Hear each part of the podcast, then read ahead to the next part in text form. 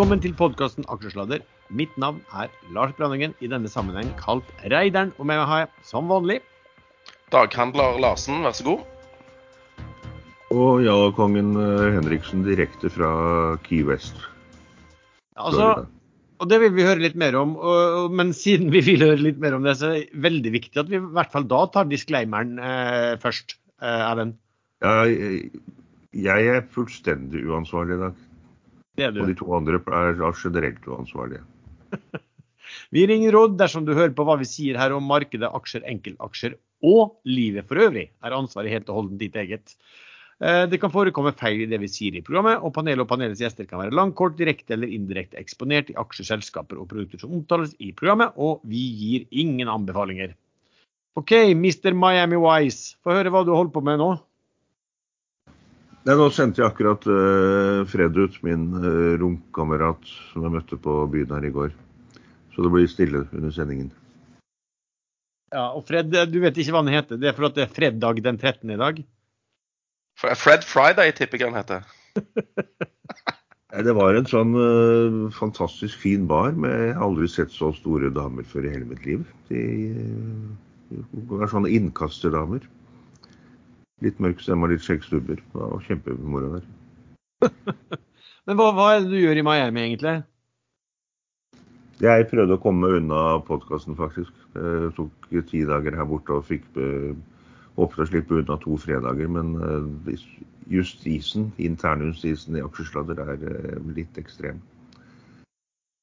Det er riktig jeg riktig. klarte For- ikke.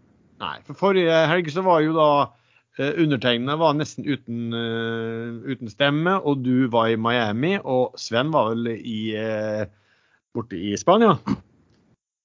Så, så det ble litt eh, vanskelig da. Um, eh, beklager det. Men du, du, du har jo også vært på Formel 1-løp i Ja. Miami mens du har vært der?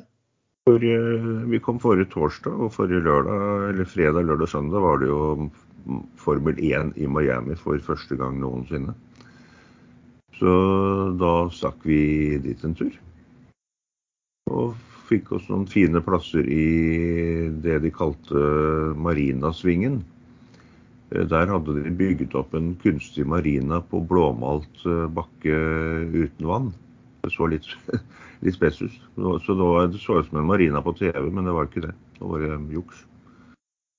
Men det var kjempefint. Vi satt i svingen og så alle biler komme inn i svingen og gikk ut av svingen. Og resten så vi på storskjerm. Kjempegod stemning. Ja. Så er det et par på ekstramester som jeg vet er ganske misunnelige på at eh, jeg, som egentlig ikke bryr meg så mye om Formel 1, faktisk fikk sett dette live i Miami. Hvor fort, følte du, hvor, fort, hvor fort følte du at det gikk med de bilene? Fikk du liksom Nei, det? det ser mye fortere ut i virkeligheten enn på TV, faktisk. Er, eh, og vi fulgte jo med på storskjermen nå. De var jo oppe i de var jo oppe i 320-30 km i timen på, på huset. Men eh, ja, Miami er jo kjent for mye, for mye den. Du har ikke vært trua med å bli utvist fra land eller kastet i fengsel eller noe sånt ennå, eller? Nei, men hvis vi hadde blitt tatt når vi gikk inn på arenaen, så kunne kanskje det ha skjedd. For vi hadde ikke billetter. Vi var ikke klar over dette her egentlig før eh, litt sent, og da var det ikke noen ordentlige billetter å få kjøpt, så vi tenkte å kjøpe billetter av svartebørseier eh, eh, når vi kom fram. Det er det jo alltid noen som står og roper selger billetter, men det var bare folk som ropte I want to buy tickets, eller hadde skilt. Så vi gikk litt, litt rundt, og så fant vi bokstavelig talt et hull i hekken. Og sånn sier man kanskje ikke med en podkast, så, så de som lytter får la være å høre på akkurat nå. Vi fant et hull i hekken og gikk inn der, og det var ingen som ropte på oss. Og så gikk vi bak et uh, mill med et par containere og bak noe bakkemannskap som sto rett ved siden av, uh, av banen. Og så var vi plutselig inne på tribunen. Så det ble en veldig billig eh, Formel 1-forestilling på oss. Var det ståplass eller sitteplass? Eller Nei, var det da vi fikk jo På lørdagen er det bare trening og kvalifisering, så det var litt sitteplasser ledig. Ja. Det gikk helt fint, det. Men jeg, jeg skal selvfølgelig eh, overføre penger til en god sak, da. Som Ja. Men er du, du er nede i Key West nå? Ja, nå, vi kjørte litt i går. Ja, men eh, ingen som eh, mistar deg for å være han Ernest Hemingway. Dere ligner jo litt i utseendet. Ja, jeg var på samme barn i går, og de sa 'welcome back, Mr. Ernest'. Ikke Mr. Hemingway, altså. Nei, de, sa det, de gikk på fornavn der nede. Ja, OK. Jeg kjente igjen hun som sto bak baren. Hun eh, hadde nesten ikke blitt eldre. Hva heter den favorittbaren hennes, hans, da? Den heter eh, med Loppi Jim Sejom hm. Eh, Den heter, den heter noen ting. ja, jeg husket det i går. Av en eller annen merkelig grunn husker jeg det ikke akkurat nå. Merkelig. Uh, men OK, skal vi komme oss litt over på det vi bruker å snakke om, uh, som er markedet. Jeg bare så sånn kjapt, det er to uker siden sist. Sist jeg sjekka i dag, så var det har norske ho- hovedindeksen i Oslo falt 3% siden da. Eh, SMP 500 har falt 5% siden da, og Nasdaq har falt 8% siden da. Og vi har hatt ganske mange dager med sånn store svingninger. Eh, Sven, hva er det du har eh, holdt på med de par ukene som gikk i markedet? Eh, ja, dette har jo vært traderheaven, uh, sånn at uh, her er det bare å henge med. Så jeg, har, jeg kan ikke nevne alt jeg har trada, men jeg kan eh, snakke litt om de litt lengre tingene som jeg holder på med.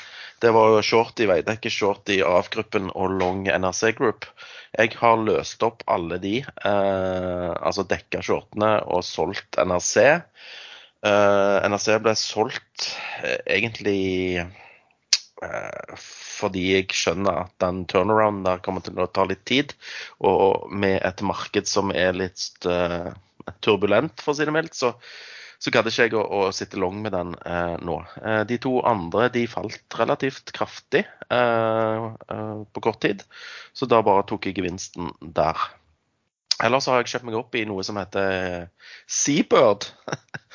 Det hadde jeg aldri trodd jeg skulle gjøre. Men etter sist episode for to uker siden, så fremhevde jo du denne her eh, kamuflerte nyheten i, i, i den børsmeldingen. Så jeg har liksom tenkt at det er sannsynlig at dette faktisk kommer til å skje, og da, da får du kanskje en dobling i, i, av aksjekursen. Han er nå på 360. Eh, så jeg har eh, kjøpt der på svake dager. Eh, ellers så har jeg solgt null eh, med litt gevinst. Jeg har trada Frøy, jeg har trada eh, denne her Måsøhval, solgt den òg. For nå har lakseprisene plutselig falt tilbake 30 kroner kiloen. Men jeg har vært innom så mye andre aksjer at jeg, jeg tror ikke vi har tid å, å, å nevne det. Det var det hovedsakelige som vi har vært inne på, som du har hatt litt, litt større ting i. Riktig. Ja. Du har ikke gjort noe i USA det, eh, i de ukene?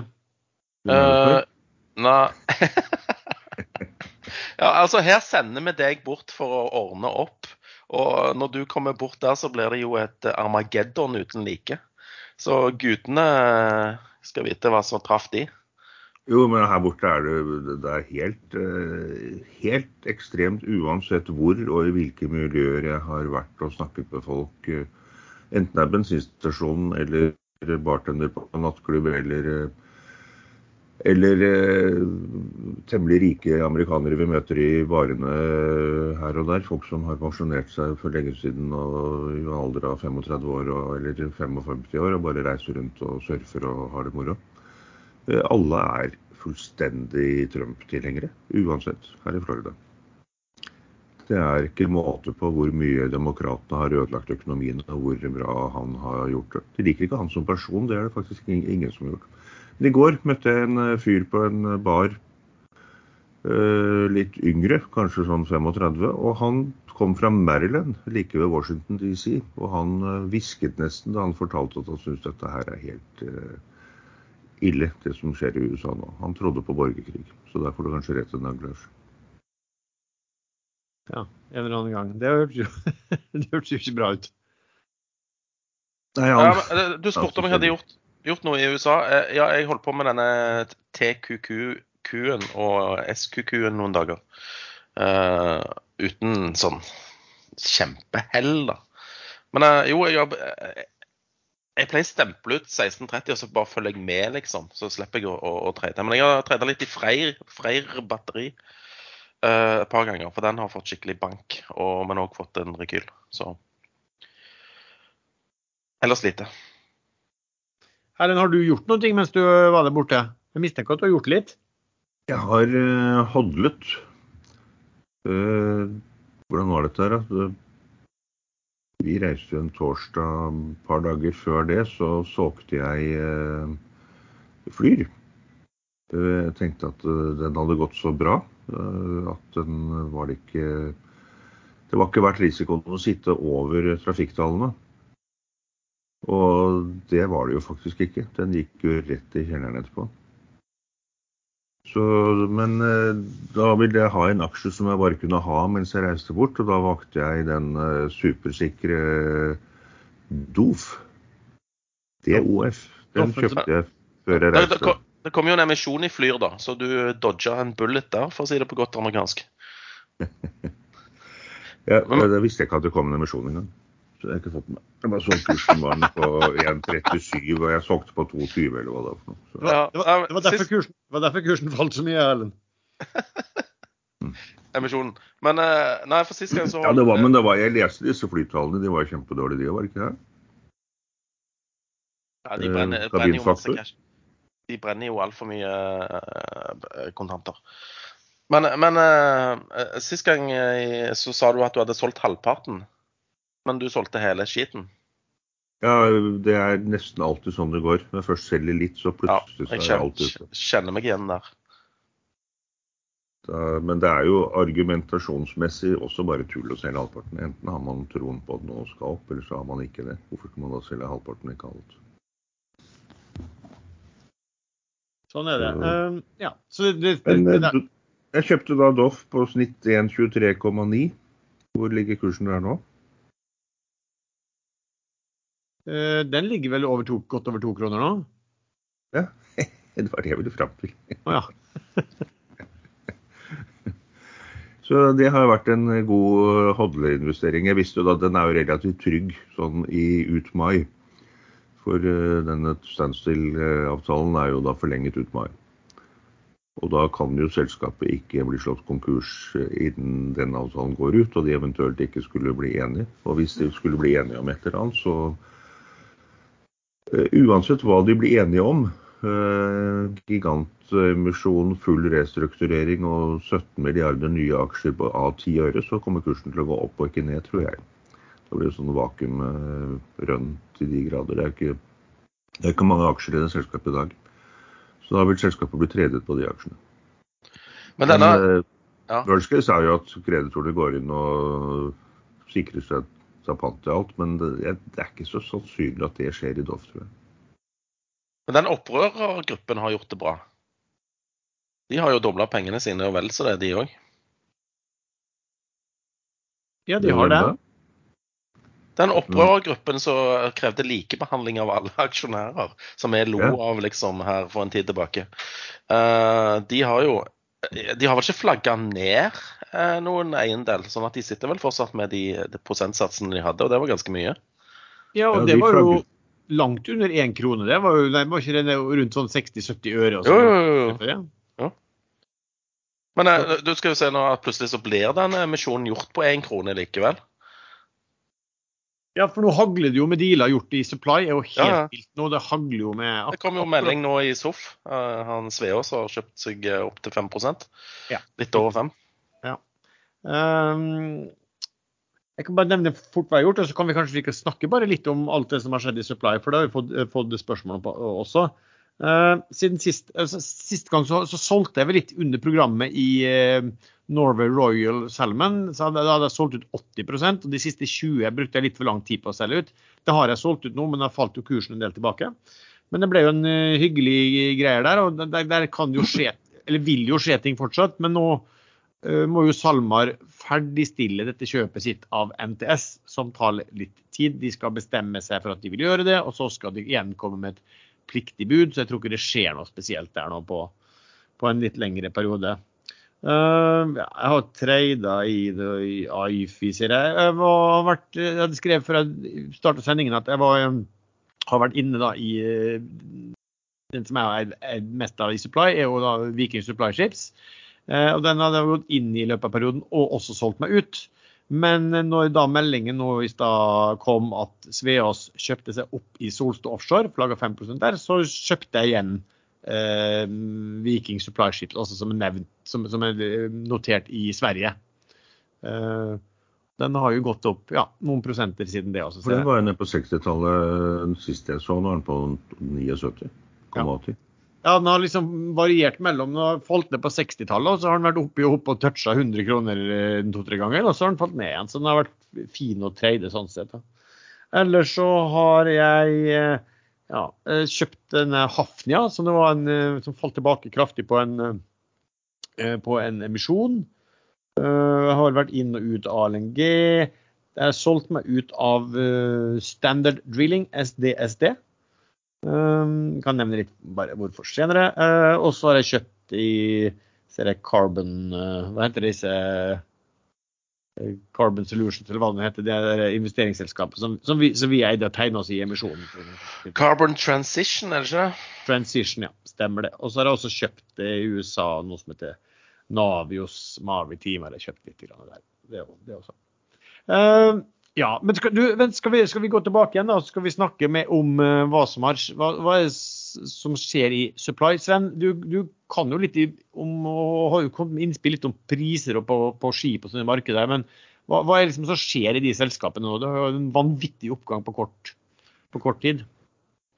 Det meldes om hektisk aktivitet for å slutte båter, eh, spesielt i Nordsjøen, men òg i Brasil. Eh, så kjempes det om å få eh, gang på tonnasjen, fordi at det er masse ting som skal gjøres. Og det har vært underinvestert siden 2014 i hele verden når det gjelder olje og gass. Så nå skal plutselig oljeselskapene investere og bore og flytte på rigger og og, og ha forsyninger ut på, på rigger osv. Så, videre. så det, det, går mot en veldig rekordarta sommer når det gjelder rater. Og når ratene stiger, så stiger òg skipsverdiene. Så da ruller hele ballen. Mm. Og men noen av de har jo en ja, Nesten alle har jo da en voldsom giring også. Ehm, så da får du jo den giringeffekten også da, på, på egenkapital. Ja, ja. Den, det er jo derfor Solstad har jo gått veggimellom her. Eh, og det har jo Doff og Jeg vet ikke om Havila har gått noe særlig. Jeg tror den var en vinner i, i går. Den gikk ganske mye også. Så jeg tror den også har vært oppe og toucha her. Og Eidesvik offshore også. Alle disse her har gått. Alt har gått. Ja, for, for en stund tilbake så var jo all egenkapital i disse rederiene under vann. Det var vel egentlig bare Eidesvik og uh, CM Offshore kanskje som som hadde en eh, altså, verdijustert eh, egenkapital over null. Ja, men så begynner ratene å bevege seg, eh, og som du sier, da, så, og større, større aktivitet. Eh, det har vært skrapa en del. Det er vel en del som er sånn cold stacked av, av, disse, av flåten som kanskje aldri kommer tilbake igjen heller. Ja, og en del båter er blitt solgt til andre segment, eh, som ikke olje offshore. Ja. Men, men det, det, som også drar det her, er jo at du, du ser at hva skal du si, type finanskjendiser da, går inn og tar uh, posisjoner. Altså Først var det jo um, Sveås som kjøpte en stor post i CM Offshore, nesten 30% fra disse GIEK. Da var vel kursen Han kjøpte vel på rundt 7 kroner i uka? Jo, stemmer. Og den kursen er nå Må jeg slå den opp? Ja. Jeg har ikke fått med meg dette, eller jeg har ikke deltatt sjøl i dette. her, For jeg er så farga av eh, at dette bare har vært eh, eder og galle. 1448. Så han har dobla pengene sine siden han eh, kjøpte seg inn der. Og så har, også da, og, og så har det jo vært sånn at um, i, um, i Solstad Offshore så er det en, en, For en ukes tid siden så begynte jo en del sånne finanskjendiser samtidig å kjøpe. Eh, og det var jo Øysteinsbetalen, altså Tycoon det var Eigilsbetalen, altså broren hans. Det var han Magnus Halvorsen, som jo sitter i Han sitter fortsatt i, i, i 2020 Bulkers, og også som har kjøpt seg mye inn i Procef. Og så Reidar Fogner, som kjøpte seg samtidig opp. Blystad, hvor var det Blystad kjøpte henne? Blystad han kjøpte seg opp i eh, Siem Offshore. Ok. Så da har du Hele Oslo vest ja. skal ut på tur. Ja, og da når det liksom, de begynte å komme inn der jeg tror det, de kjøpte seg rundt inn i Solstad Offshore for en uke siden på rundt 16-17 kroner. Uh, og er jo, kursen er jo nå gått i 32. Så den, Ja. de har dobla, pengene sine da, på, på Jo, men, men akkurat nå den meldingen med, med, med Sveås kom der, så kunne jeg kjøpe aksjer under 30, tenkte jeg. Eh, nå har den aksjen gått så himla mye at nei, det gidder jeg ikke. Ja. Så nå er den 32,90. Så, ja, sånn er det. Også, men eh, det, jeg så forresten på aksjonærsitsen i dag at eh, altså, mm, Øysteinsbetalen, altså Tycoon, de så ut som de hadde vært inne bare for en trade. For de så ut som de var ute av, eh, av um, aksjonærsitsen nå. Um, så den, falt, den hadde jo falt litt tilbake i dag. Um, og, og så kom denne meldingen, da, noe som sendte den opp 10 og noen i, noen i, noen i 33 for å si det sånn. Eh, men eh, vi har jo snakket mye om Solstad Offshore, for de har jo hatt et sånt problemskip der de plutselig kunne risikere å måtte bli krevd på flere milliarder. Eh, Men der, det kom det jo også en melding i går, da, Sven, om, om hva, som, hva som har skjedd med den båten her. Kan du forklare litt? Ja, Det er artig at du, at du tar meg her. for det, eh, han, eh, Eksperten vår på Nordmann Maximus det er jo han som sitter i Key West og, og pjaller. Så du Ja. burde jo egentlig spurt Erlend. Hvis han har Jeg fått det med seg. leste den meldingen, eh, men jeg, jeg, jeg skal innrømme at jeg skjønte ikke helt. Det var mye litt om og men, og kanskje først i 2024. Eh, Men det må vel ha tatt bort risikoen med den båten, har det ikke det? Har tatt bort risikoen med at Solstad måtte kjøpe den, som de egentlig hadde eh, holdt på å si garantert for. At de måtte kjøpe den fra dette leasingselskapet. Sånn at Det som har skjedd, er jo at eh, American Shipping Corporation, AMSC, har eh, fått tilslaget på å kjøpe båten til 157 millioner eh, dollar. Men det hefter en del mer gjeld med den båten til dette leasingselskapet. Sånn at Solstad Offshore overtar resten, altså residualen av den gjelden på 158 millioner dollar, som ikke forfaller før en eller annen gang i 2024. Men de må òg betale renter på, på den gjelden. Men risikoen med at de må kjøpe den nå, har falt bort. Og eh, Solstad får jo eh, låne båten. Altså de har en sale leaseback med American Shipping Corporation. Sånn at de eh, markedsfører båten og står sikkert for disse her driftstjenestene. Du, Ja, så det burde jo styrke caset kraftig. Men hva med AMSC? Eh, Den båten, er det solfarmer i USA de planlegger å bruke den til? nei, altså AMSC oppfører seg omtrent sånn som Ocean Yield i, en, i, i den biten her. De kjøper båten og bare leier den videre ut. eh, og, og drar prosenter på det. Så de skal bare gjøre en god deal. Men hittil har jo de bare eid sånne Jones Act-tankbåter. Um, så det er kanskje litt sånn spesielt at de plutselig nå skal eie noen ting som er, som er utenfor det området der også. Men eh, nå har jo Aker solgt ut Ocean Yield, da, og, og, og, og så hjelper det jo selvfølgelig på at Aker er gått på eiersiden i Solstad Offshore, som, som, som blir kvitt, i hvert fall, eller skjøvet på et eller annet problem da, i den forbindelse. Men, men det er vel litt vanskelig å, litt vanskelig å eh, Jeg så også på hva som sto i den avtalen, og man skal kjenne det der godt. Og så sto det vel litt lite om det til å avgjøre eh, hvem den dealen er god for, og hvem den er dårlig for. Eh, Jeg vet ikke hva jeg tror. Jeg tror den dealen er god for Røkke. Ja, den er si det. Den er Ja, den er- den er- ikke dårlig for han. Nettopp. Den er neppe, neppe dårlig for han, for det, det, de, de trenger ikke å gjøre dette her um, på noen som helst måte. Nå har vi plass til en lite sånn uh, hoverende øh, liten replikk her nå. Alltid. Eh, Jeg kjøpte jo da jeg gikk inn og sjekket, det var 4. og 5. mai. Sånn rett før eh, til og med på flyplassen tror jeg at jeg kjøpte de siste eh, Doff-aksjene. Og jeg er da opp 75,89% siden forrige onsdag-torsdag i denne aksjen. Har de andre, andre oljeserviceselskapene gått Er det noen av de som har gått bedre enn det? Ja, um, det har absolutt Solstad har jo gjort det. Er Eh, den på nå? ja, Sol, på Solstad har gått opp 83,32% på en uke. og Seoff, da. Ok, men nå er jeg oppe 75,89. Eh, Ja, du er jeg bak. tar dem igjen i løpet av en halvtime. Seoff er ikke opp like mye, da, så det, det er Solstad som har ført. Men, eh, men den, er- altså, øh, den er jo interessant, den der med, med, med Doff også, som har gått så mye.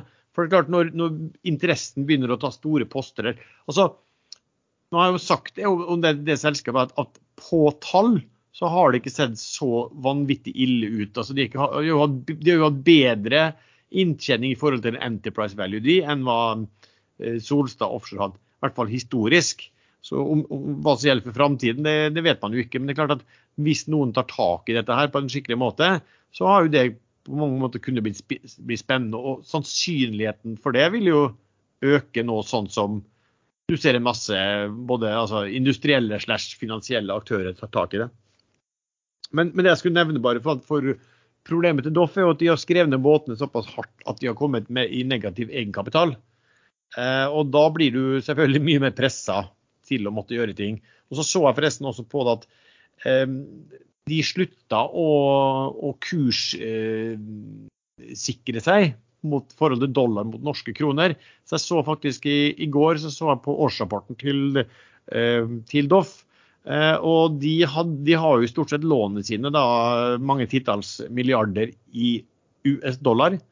Eh, og det som sto der, var at eh, eh altså 10 økning av dollaren mot norske kroner eh, ville gi en minus på egenkapitalen da, eh, på ca.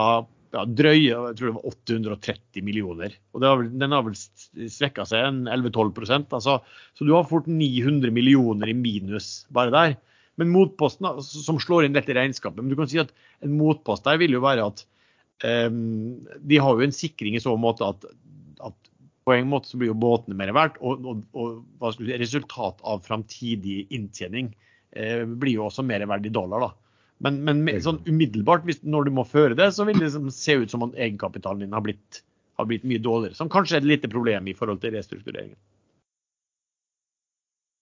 Kanskje, men uh, bankene klarer jo å regne og finne ut at det som ser dårligere ut på papiret, er jo egentlig bedre. Uh, du får jo mye mer penger i norske kroner hvis du skulle selge en båt eller uh, får kontrakter. De, de er jo veldig store i Brasil også. Ikke sant. Selv om du kanskje ikke får det inn i selve uh, balansen din med en gang også, så, så ja. Så, så, er det helt riktig. Men, Men har de muligheter til å skrive opp verdien av noen båter, eller er det uaktuelt? Alle kan jo gjøre det basert på at du, du har eh, verdi. Altså, du kan gjøre det ganske enkelt i løpet av året, så altså, må du ha revisor med på det på slutten av året. Eh, men det ser jo ut som ting begynner å, å, eh, å bedre seg ganske betraktelig for hele sektoren, for å si det mildt.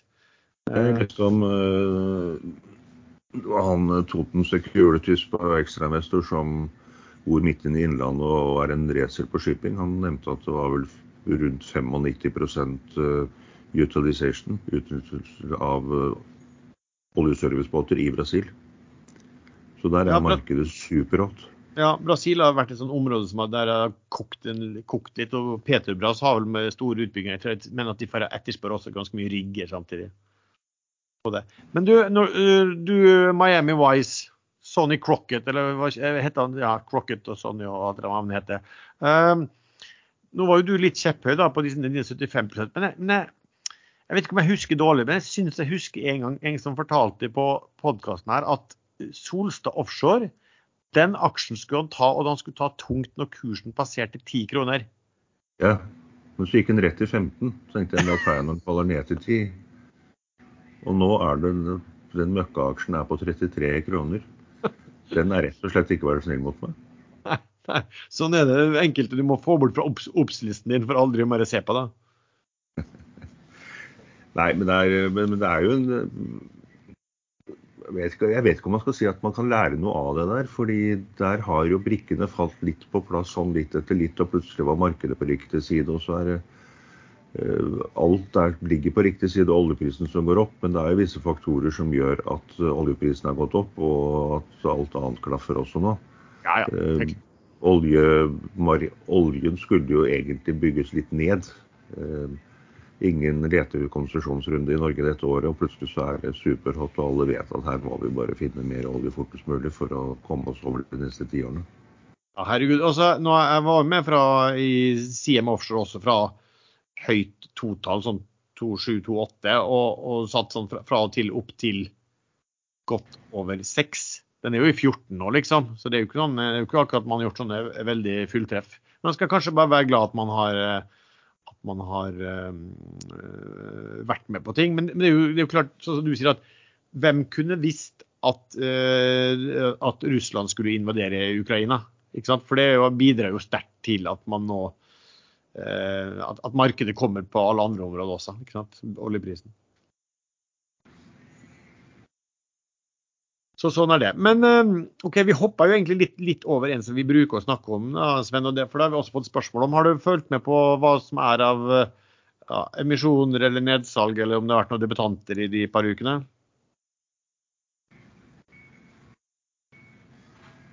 Jeg tror Sven uh, daua litt da han hørte om uh, gevinst på en uke på 75% for han får jo aldri mer enn 0,75% Han selger jo med en gang. Han tar 100 ganger 0,75 han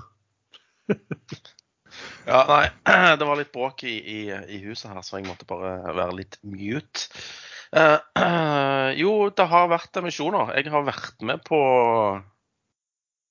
Cadeler. Cadeler. Cadeler. Ja, det danske vindserviceselskapet uh, Cadeler. Der var jeg med på en emisjon uh, på 32 var det vel. Uh, fikk tildelt 5000 aksjer, altså en tildeling på rundt 15% og den bare falt rett ned i 31. Så solgte han på 31 et eller annet, og så nå er han på rundt 30. Så det var en suksesshistorie av de sjeldne. Uh, med tanke på den tildelingen så burde det jo blitt uh, relativt hot. Og så var jeg med i Hafnia-emisjonen. den ble gjort på hva ble den gjort på, Lars? Nå er jeg helt 25. 25, 25 ja. Og der Hva solgte jeg på der, da? Fikk ikke så mye tildeling der heller. 10 000 aksjer, var det det? Ja. 25 tildeling. Uh, jeg, jeg solgte bitte litt i pluss, men ikke noe sånn å skrive hjemme om. Den forsvant jo òg et godt stykke under emisjonskurs, for nå ligger han vel uh, rett rundt emisjonskurs? Ja, 25-10 nå. Den var jo, ja. på, den var jo på høyt 23-tall faktisk uh, kort, kort, etterpå. Ja, så uh, Selv om du fikk lav tildeling, så var kursutviklingen litt sånn rar. Men jeg fikk inntrykk av at det var masse litt større flippere som var med på den Hafnia-saken. Sikkert derfor den ble satt under press. Mm. Andre ting da, PGS, har den vært Når var det den var? Har vi snakka om det? Jeg husker ikke. Nei, jeg tegna meg der òg. Fikk 25 eh, 000 aksjer. Uh, 25 ganger hva var kursen? 370. Ja, ganske lav tildeling. Ja, de har solgt short på fem, da. Kunne jo drøya den litt og solgt litt høyere.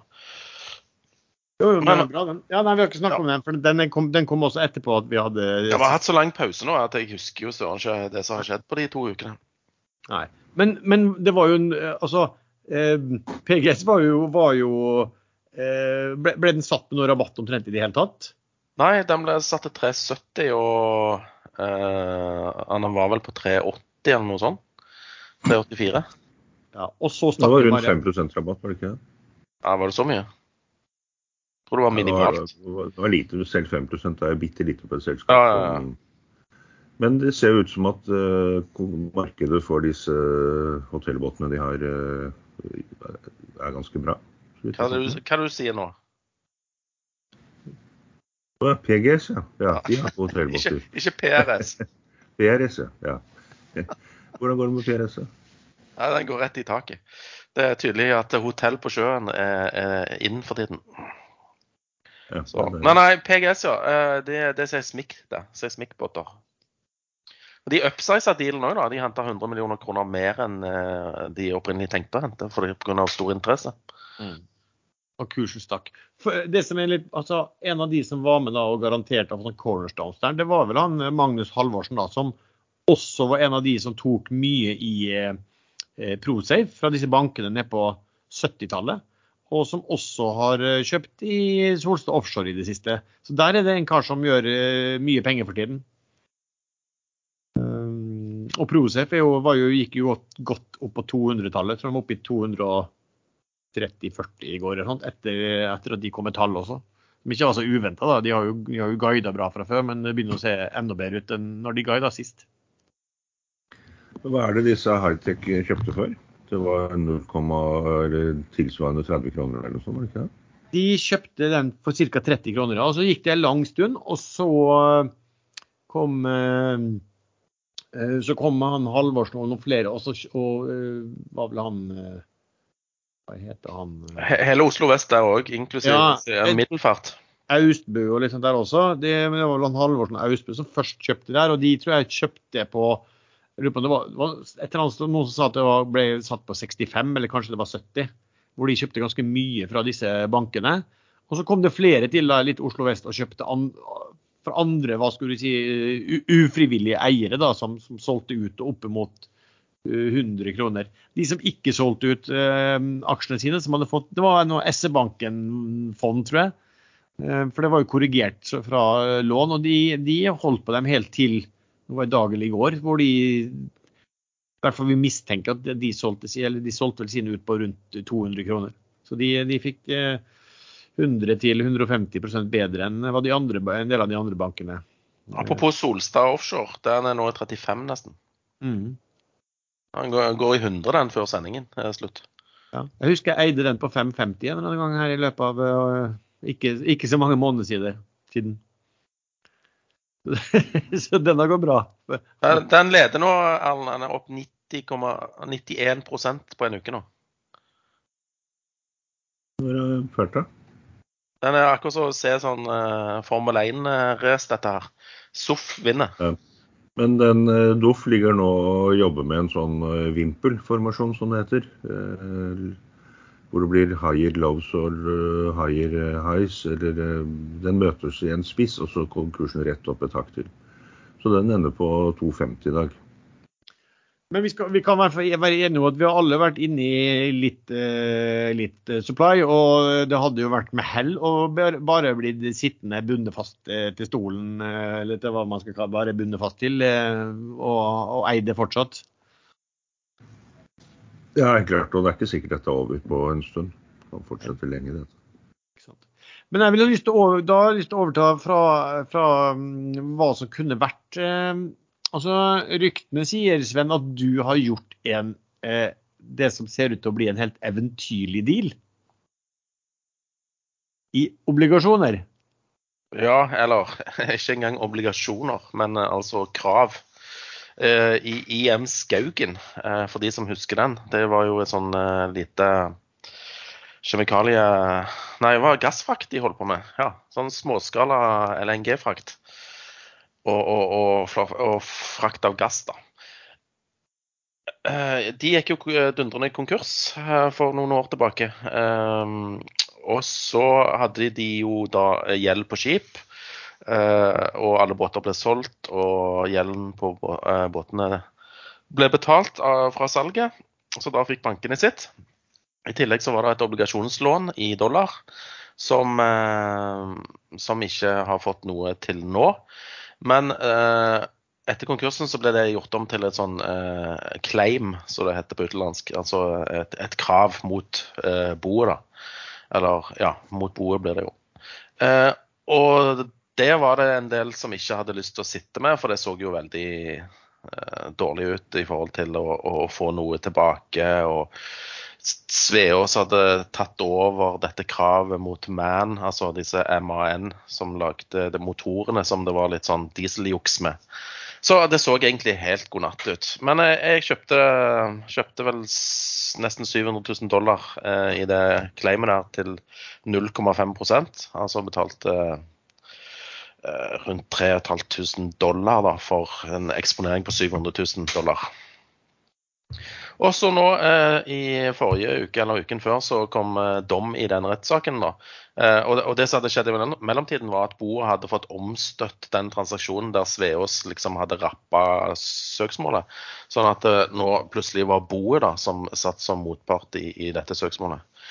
Og i Oslo tingrett så, så fikk Boe hva det heter, medhold. Og, ble, og Man ble dømt til å betale 363 millioner kroner til boet. da. Så det kan plutselig se ut som det hvis dette blir stående eh, Nå kan jo selvfølgelig Man eh, anke, og det kan ta årevis før dette er helt ferdig. Men det kan se ut som at uh, disse båndholderne får tilbake en sånn 70-80% Og det hadde jo vært hyggelig når du har betalt en halv prosent. Så få høre hvor mye, penger, hvor, hvor, mye, hvor mye penger altså du, du, du hjalp nesten noen som bare ville få en eller annen sluttseddel omtrent ut? Ja, de ville bare ta tapet. Så ja, det var sikkert et fond, da, eller jeg vet ikke, et lite fond, tror jeg, som da kvitta seg med 700 000 dollar i, i dette. Og da, fant, og da, var det ingenting der, for da, da var vel sånn som man forsto det, dette rettskravet var, var, borte fra selskapet også? Ja, det var et datterselskap som heter Imskman AS, eh, som ble kjøpt av Sveås for nesten ingenting ja. etter, etter konkursen. Ja. Og, og, det ble da omstøtt, og plutselig så hadde det jo en potensiell verdi der hvis de vant søksmålet. Men når du kjøpte på 0,5% var det gjort den dealen med, med Sveås da? Eh, Sveås hadde tatt eh, kravet, ja. Ja, Så du, så du egentlig var det nesten eh, Ja, motivasjonen min var kanskje jeg får 1 altså doble penger. Ja, ja. Jo, jo, selvfølgelig. Så, men hvor mye Nå får mye... du 140 ganger sånn cirka isteden? Men det er ikke sikkert ennå. Altså, og du vet ikke hvor mye annet eh, som bor, altså bokostnader og sånne ting. Men, men 140-gangeren er jo 14 000 prosent, Sven. Jo, jo, men vi får jo håpe at det går den veien. Men hvor mye Hvor mye kjøpte du for? Det ble jo 3500 dollar. Ja. Og så skal du gange det med Men det er jo de 700 000 dollar når du må gange med 0,75 f.eks. Da får du liksom gevinsten. Ja pent. Hvis det ikke. Altså, det, må, det er ikke rettskraftig ennå. Ja. Men eh, nå, nå, skal det sies at Man eh, har jo tapt alle disse sakene. For de har jo vedgått og har juksa med, med, med, testresultater i forbindelse med motorene. Mm. Så Eventyrlig her var vel at, altså at, at um, boet bare omstøtte den transaksjonen da, med Sveas og ble sittende på den i, i stedet. Men har du liksom har du vært klar For det er jo flere år, noen år siden nå. Og, og, men har du vært klar over at, altså, fulgt med på hvordan, hvordan, det har utviklet seg, eller har du bare skrevet av det og tenkt ja, ja, den dagen det blir en rettssak, så Nei, jeg har fulgt med, og så nå etter, eller etter rettssaken så har jeg vært i kontakt med bostyrere for å høre hvordan det gikk. Så han var grei og sendte meg dommen da, eh, før, eh, før media skrev om det. Ja, og da var du glad? ja, altså Det er jo positivt at de har vunnet i tingretten, men uh, for andre som faktisk har tapt i tingretten, så går det an å vinne andre instanser etterpå. Så jeg tar ingenting for gitt. Jeg uh, fyrer ikke opp champagnen før uh, penger er på bok eller på ja. konto. Men 14, hva var det Erlend sa? 14 000 prosent avkast... Nei, 140 000 Nei, hva, Hvor mye var det Erlend du sa? Det blir 14 000 prosent, ikke 140 ganger. Ja. Ja, nei, det, det høres pent ut. Men det blir mye skatt da, Sven. Du, hvordan føles det? Nei, det, det, skal jeg betale med glede. det er bra. Men du har det vel på AS, har du ikke det? Eller jo. Du... Ja, men er, er, det, er, det, en obligasjon sånn formelt sett du får det på, eller? Det er obligasjon, ja. Så det blir skattepliktig inntekt. Mm. Mm. Ok, Men det der, synes, det, var, det var, jo uh, mye morsommere å høre om det der enn en, uh, eventyrlige kursutviklinger i ting vi knapt nok uh... Nei, men altså, det er jo bare det er en lottokupong. Altså, ja. Det, jeg har jo tatt noen andre sånne òg, men de har jo gått i null, ikke sant? Så ja. Men du, du, kan si det sånn da, Sven, at du, du, ganske mange av disse kan gå i null hvis du tar liksom så solid for den ene som gir 14 000 ja, du, taper ikke mye eh, hvis de går i null, og du får jo fradrag for tapet, da. Ja, og det er folk som bare vil bli kvitt og ja. glemme hele greia, ikke sant? Ja.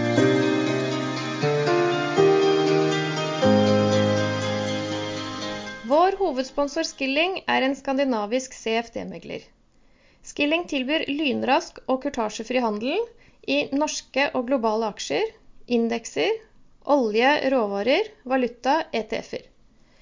Skilling tilbyr mer enn 50 forskjellige kryptovalutaer, og har en rekke forskjellige handelsplattformer og trading-apper. Skilling trader Metatrader 4, og C-trader. Du behøver kun bank-ID, og alt kan handles med eller uten giring, long eller short, til meget lave kostnader. Skilling har nærmest fullstendig fjernet spreads på kryptovaluta, samtidig som de også tilbyr kryptohandel uten giring. Med en bitcoin-spread på bare 0,5 dollar og kryptokrutasje fra bare 0,1% er Skilling nå sannsynligvis den desidert billigste kryptomegleren på markedet. Bruker du Skilling til å trade CFD-krypto uten giring, betaler du heller ikke renter, vekslingskostnader eller bankgebyrer. Skilling har kundeservice på norsk, kurtasjefri handel i nærmest alt av finansielle instrumenter og industriens laveste kostnader på kryptohandel. Sjekk ut skilling.no om du allerede ikke har gjort det, og åpne skillingkonto med bank-ID. Risikoadvarsel. 66% av ikke-profesjonelle kunder taper. Fullstendig advarsel på skilling.no. Lenke til Skilling finner du også i beskrivelsen til denne episoden.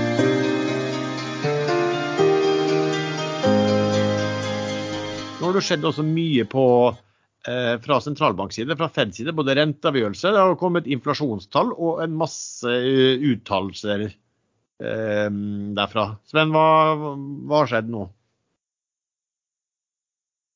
Uh, nei, de har sagt i det siste at, uh, at de skal uh, heve renten med 0,5 prosentpoeng de to neste rentemøtene. bortsett fra det så sier de vel at inflasjonen er altfor høy og den skal bekjempes. Biden sier det samme, og amerikanerne får kjenne på på økte drivstoffpriser. og det nå begynner jo driving season nå etter, etter, Memorial Day, så da Ja. Det ser ikke så bra ut for de, Men hva disse andre Fed-folkene har sagt, det vet jeg ikke om jeg har fått med meg helt. Nei, de vel, så, de, de, det er jo ganske mange av altså det, jo, det er jo nesten forvirrende, for det er så mange av dem som uttaler seg og, og kaster ut ting og sånn. Men, men, det som ty, altså, det har vært litt sånn at Eh, dette mener vi alvor med. Vi er ikke sikre på at vi, vi klarer å unngå dette blir, dette blir hardship. Og også den gamle Fed-putten, hvor Fed, Fed, skulle hjelpe deg hvis det ble nedgang i aksjemarkedet, liksom, den virker det som du bare kan glemme nå. Her skal inflasjonen ned og, og, og egentlig koste hva det koster ville. Um, senest i går var, var sentralbanksjefen Powell ute og sa det også, at, at det var liksom eh, ja, eh, dette, dette ble vanskelig på en måte å, å, å balansere. Da. Og så kom jo da de inflasjonstallene eh, som var altså Det hadde jo falt litt eh, fra sist eh, måned, eller takten, da.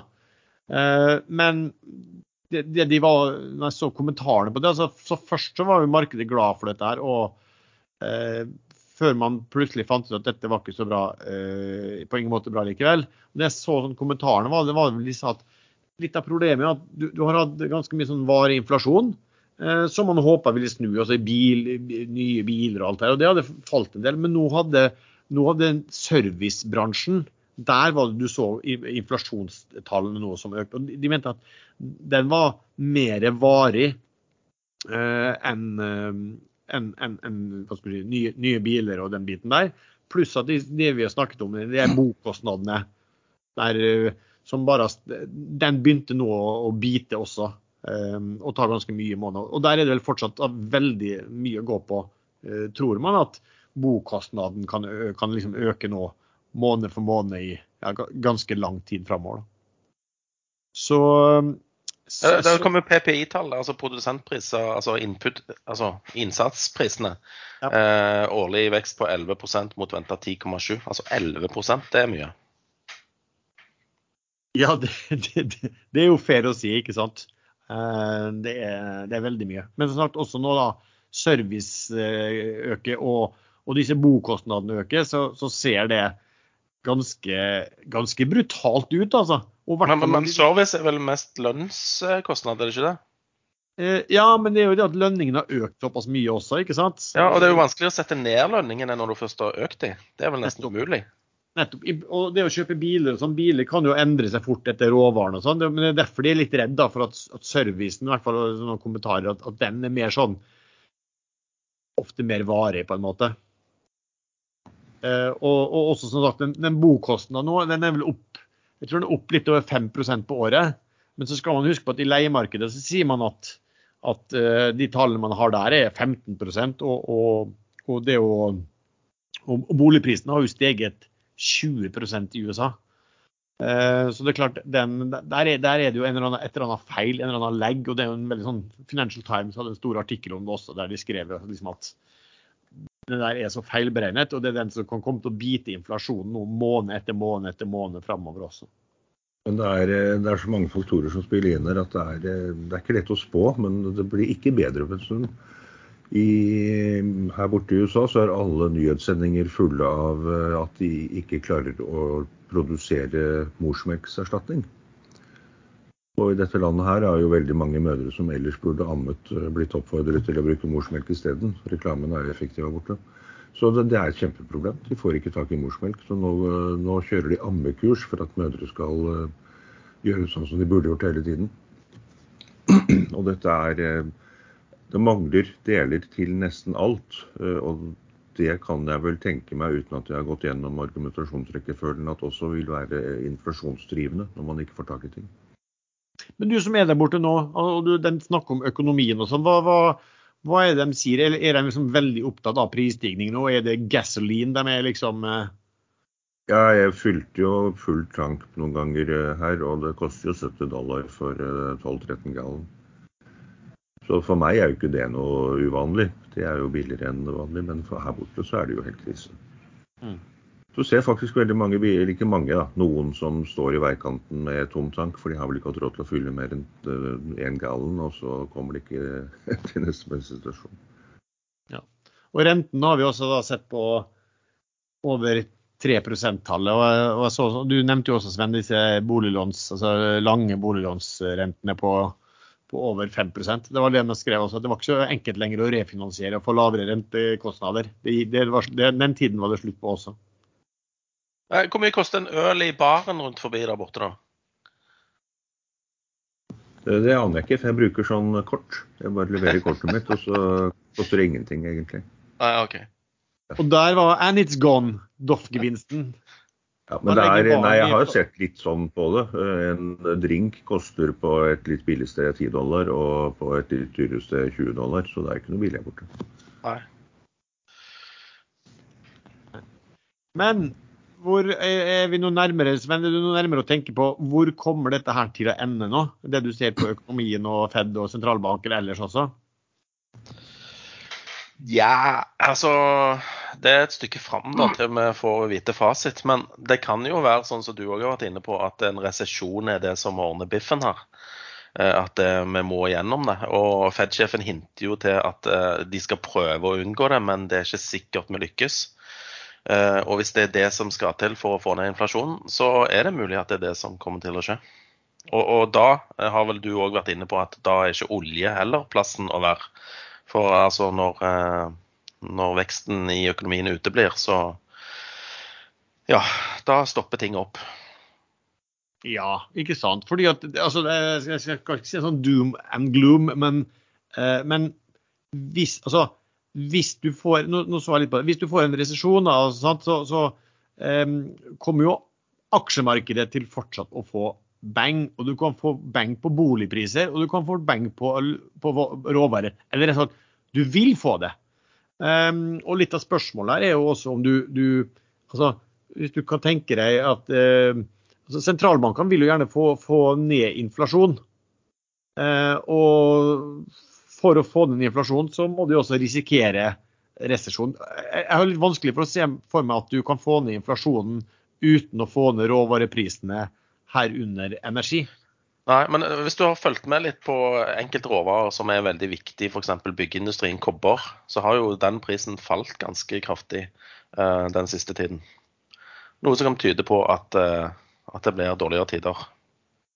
Ja, uh, og det, det, det, er jo en del sånn tegn på det som, eh, som eh, kan tyde på det. Jeg så faktisk, Nå var det vår tidligere gjest flere ganger, Pål Ringholm, som jeg bare så han har vært på Twitter eh, i går, eh, som bare skrev at hvis det virkelig viser seg å være en resesjon rundt hjørnet, hvor mye bruker aksjer og faller da?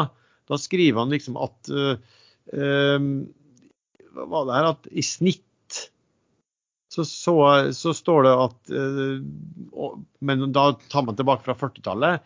I snitt så ville aksjekurser falle 27,5% i tidligere resesjoner. Med de to siste som har vært, og, og, da har man ikke definert covid som en resesjon, men den som var i 2001 og den som var under finanskrisen, da falt jo markedet sånn mellom 50 til 60 da, på det.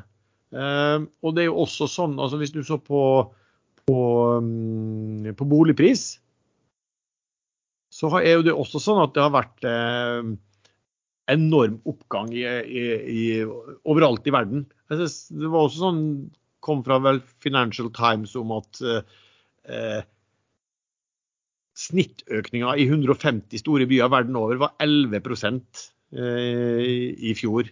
Og boligprisene i rike land har aldri vært høyere hvis man målte det mot inntektene til husholdningene og leiekostnader. Eh, og det er klart at Hvis da renten begynner å gå opp og du får eh, resesjon, så eh, for å si sånn, du, du, får ikke oppgang i boligprisen da. Så, så altså potensielt da, kan man se for seg veldig mye smerte videre hvis denne eh, innstrammingen som pågår, eh, medfører en resesjon. Og Definisjonen på resesjon er vel da tilbakegang i to påfølgende kvartaler, ikke det?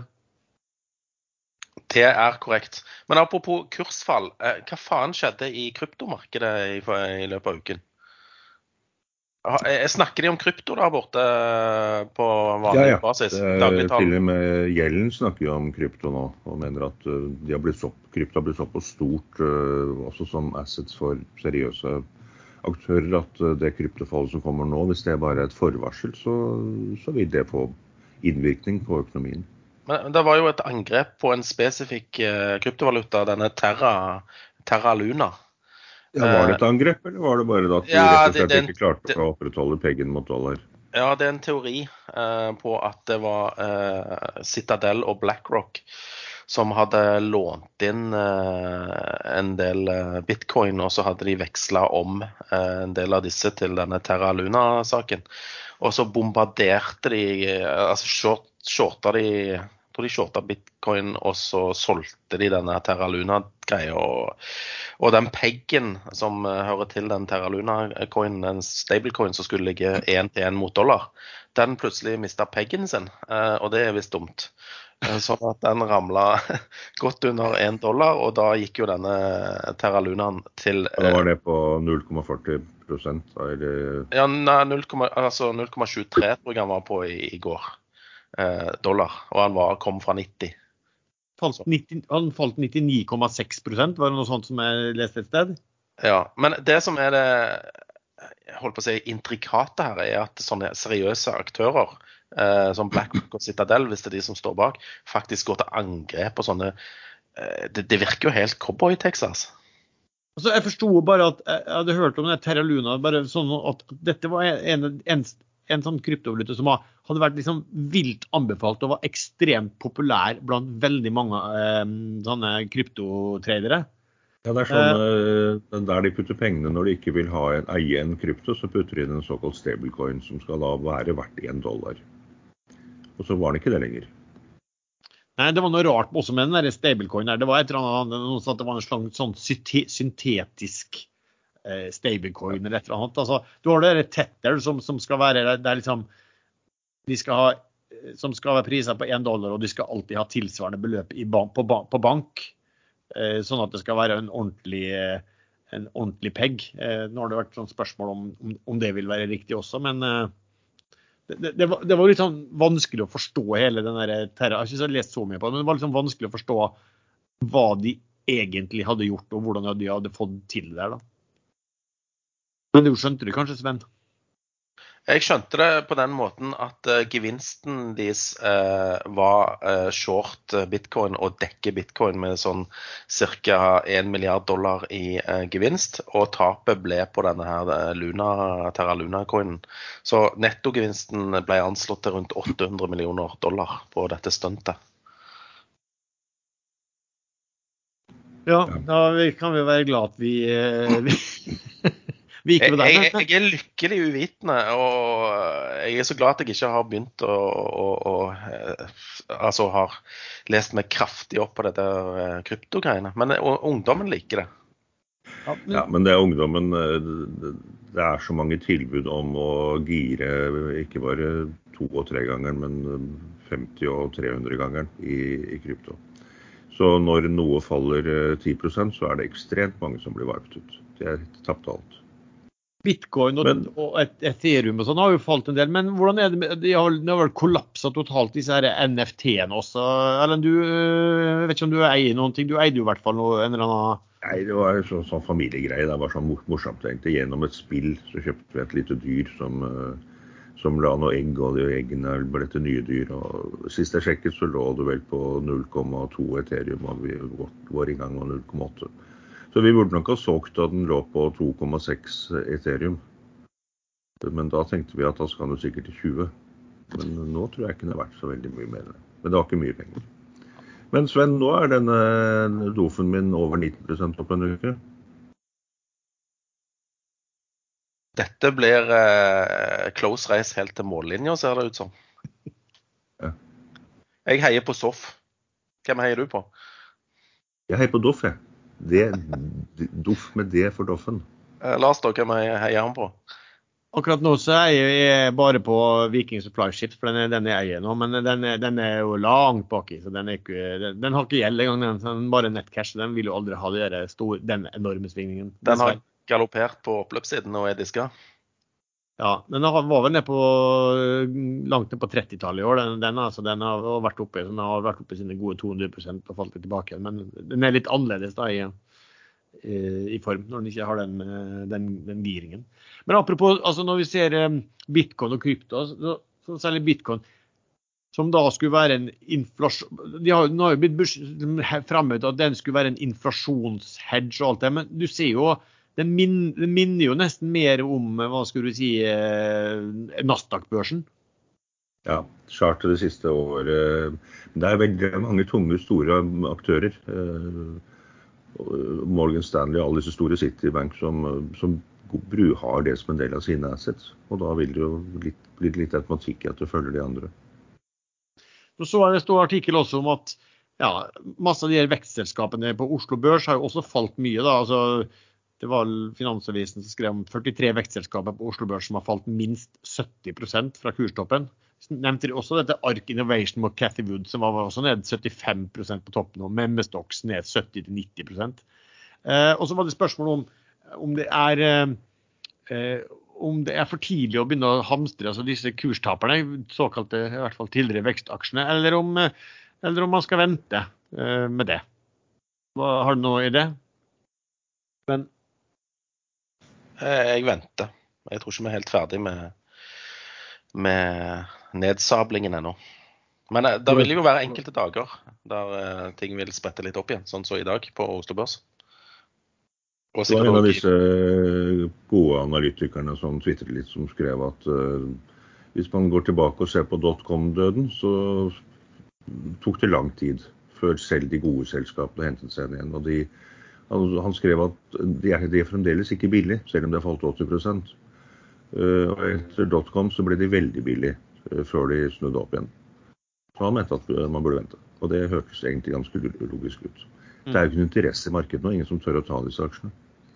jeg husker også, det sto vel også om vel biotek i USA, hvor stor andel av de selskapene der som ble, ble prisa nå til under nettcash. Det var ganske stor andel.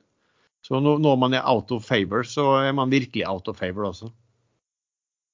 Men eh, i og med at disse har falt så veldig mye allerede, kan ikke det bremse litt på en, en nedgang som jeg tror kommer nå? At den da blir litt sånn eh, ikke, ikke sånn brutal som under eh, koronakrasjet, men at det faller jevnt og trutt over veldig lang tid? Litt opp og litt ned, men trenden ned. At det ikke går såpass så fort, mener du? Ja. Det høres vel i og for seg sånn ganske rimelig ut, det. Um, det, det er så vanskelig å si liksom, hvilken takt og om det fortsetter også. Jeg vil si at det er for min del er veldig uvitende til det. Veldig, veldig tung i cash. Eh, nå tror jeg aldri har vært så tung i cash som akkurat nå. Eh, men man må jo prøve å få satt det til god bruk. Og så er det litt sånn også at hvis vi er, vi er jo et bear market når det gjelder i hvert fall amerikanske aksjer, hvis du tenker på indekser der, så er det sånn at i et bear market så får du ofte noen ordentlige sånne rønn oppover. Det er vel noen som sier at liksom, bear markets rally de kan være veldig, veldig kraftige. Det er kanskje du vet litt mer om, Sven? Jeg bare sier at du, du har rett. Ja, da. at du, du, er inne på noe. Inne på det der. Um, Men de er ikke så lette å time. Nei, du skal ha litt flaks. Eh, bommer du med en dag, så taper du masse penger. Ja, det er jo sånn.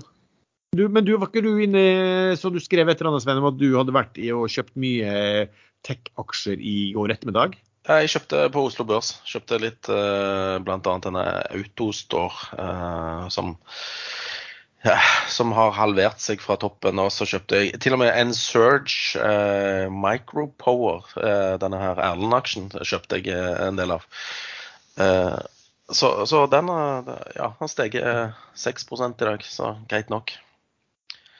Eh, og så tok jeg noen andre sånne tech-aksjer i tillegg. Så, men de har solgt igjen i dag, da. fordi at eh, det, det, er bare det, det kommer alltid små rekyler, eh, men det er veldig vanskelig å, å time de. Mm. Dagen før så prøvde jeg meg med det samme, tok Nod, eh, og den falt. Eh, heldigvis ikke mer enn sånn 2-3 da, men allikevel. Bomma med, bomma med en dag. Ja, for det tøffe er vel å sitte altså nå, nå, er det jo så ekstremt volatilt at selv om du eh, stikker ut og gjør noe på ettermiddagen og, og Nasdaq i USA er opp 2 så, du, så blir du ikke overrasket hvis du kommer eh, tilbake igjen tre timer senere og, og Nasdaq har falt 3% Det er jo såpass det volatilt. Ja, det er veldig volatilt. Og det er jo egentlig bra, da. Men jeg er veldig glad for at jeg ikke trader USA for øyeblikket. Så også noen sånn som Pexip som kom med tall i går som vel var eh, ja, virket meget skuffende. Den falt jo som en sten eh, fra starten i dag. Eh, var nede på, ned på 1553. Eh, men den ble også dratt med da, opp av eh, tilbake igjen. Fikk en noen veldig rekyl på, på en god 20 eh, fordi at man kjøpte tekstselskap. Nå har det også vært litt, litt innsidekjøp der i dag, ser jeg, men den er vel, nå er vel den falt tilbake cirka flat. Jeg tror det er en god del som har vært short den aksjen der. Og når de finner ut, eller når du ser tallene og de er dårlige, så har de vel tenkt at det blir ikke verre enn dette. Pluss at, pluss at det, det, er det farligste man kan tenke.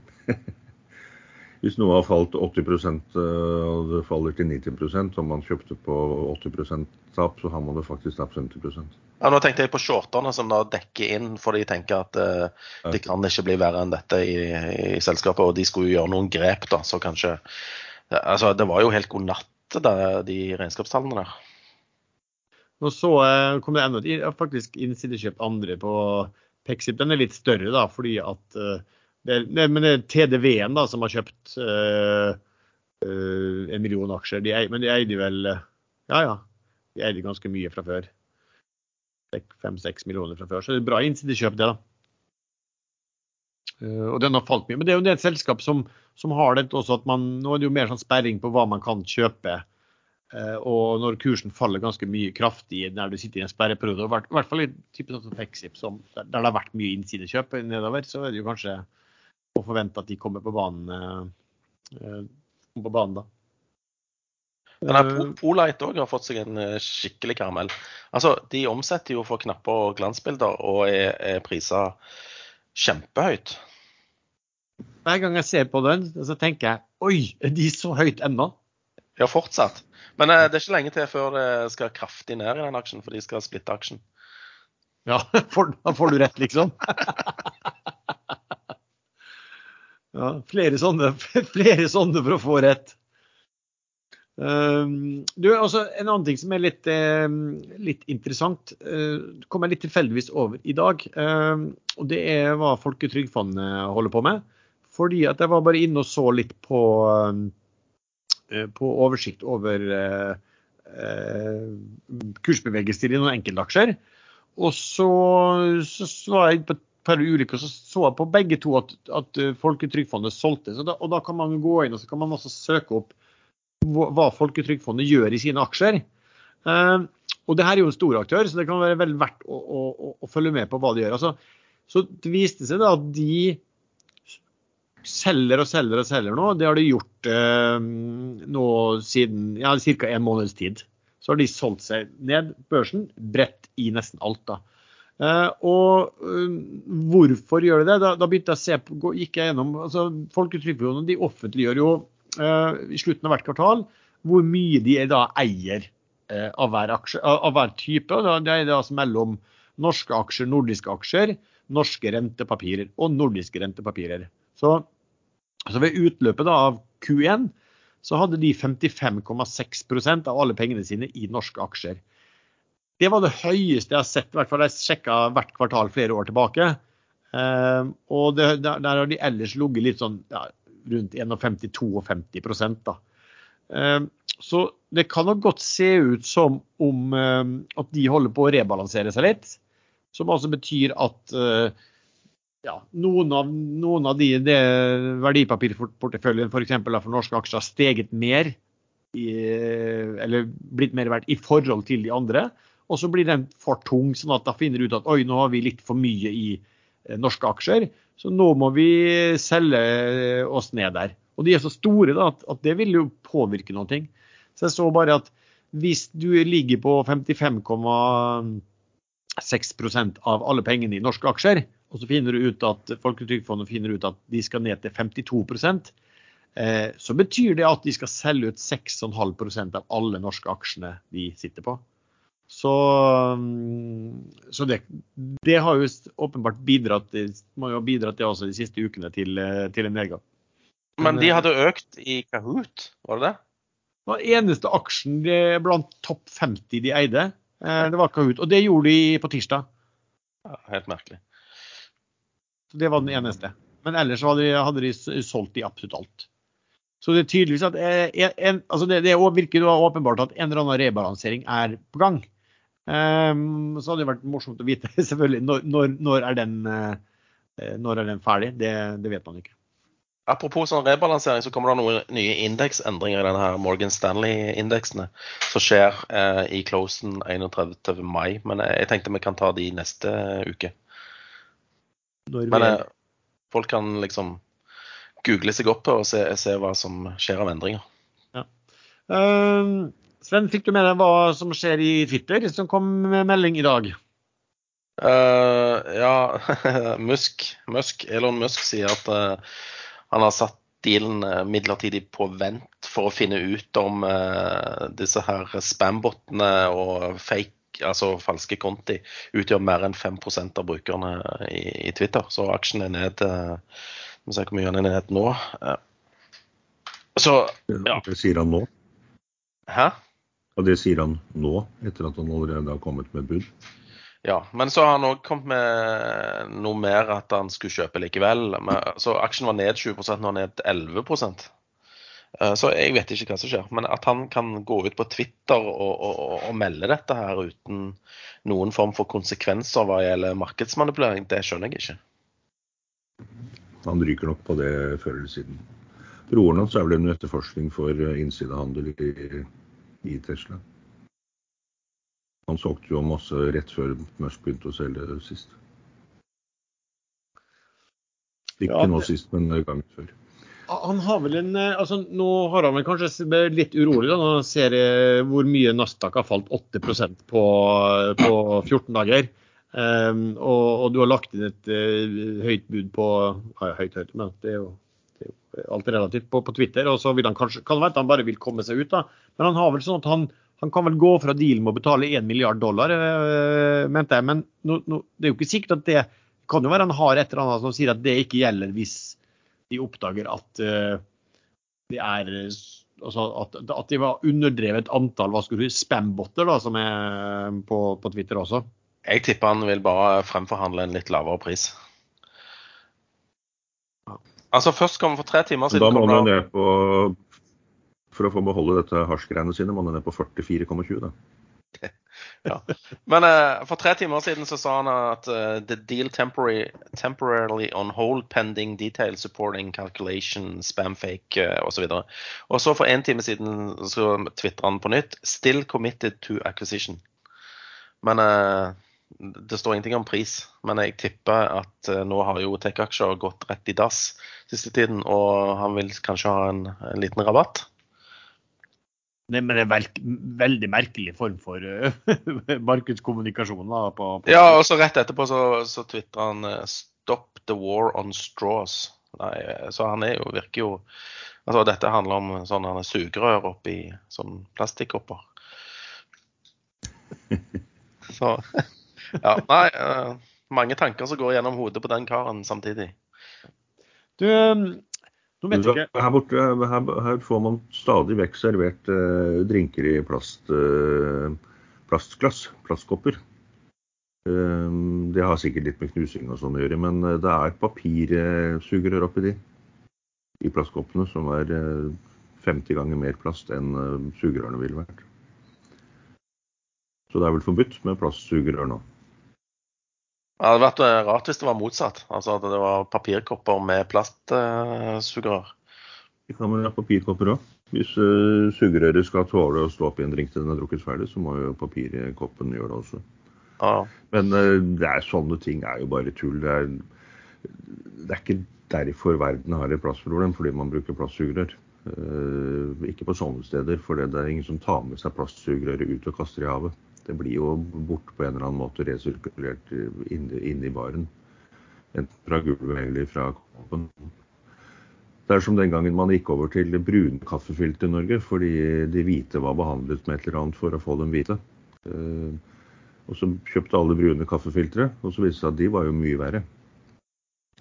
For der var det et eller annet du måtte gjøre for å få dem brune, for det er ikke naturlig brunt papir. Papiret er naturlig, i hvert fall ikke brunt.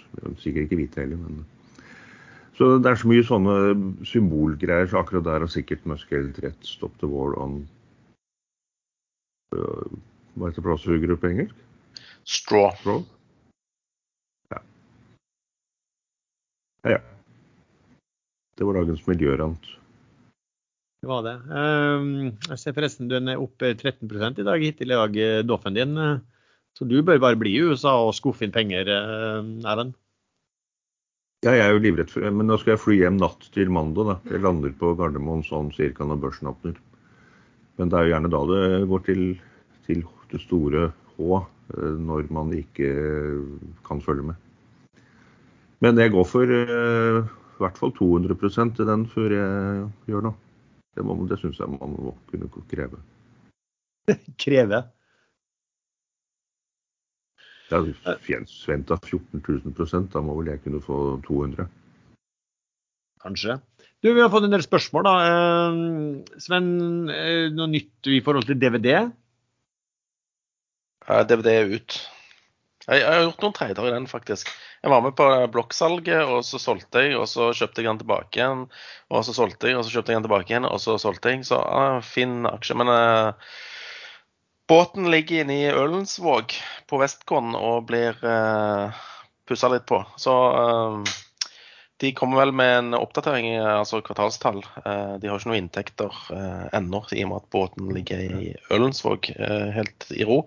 Eh, Sånn at eh, de sa vel at de jobber med Altså de snakker med andre rigg-selskap for at de eventuelt skal overta denne her deep value-drilleren.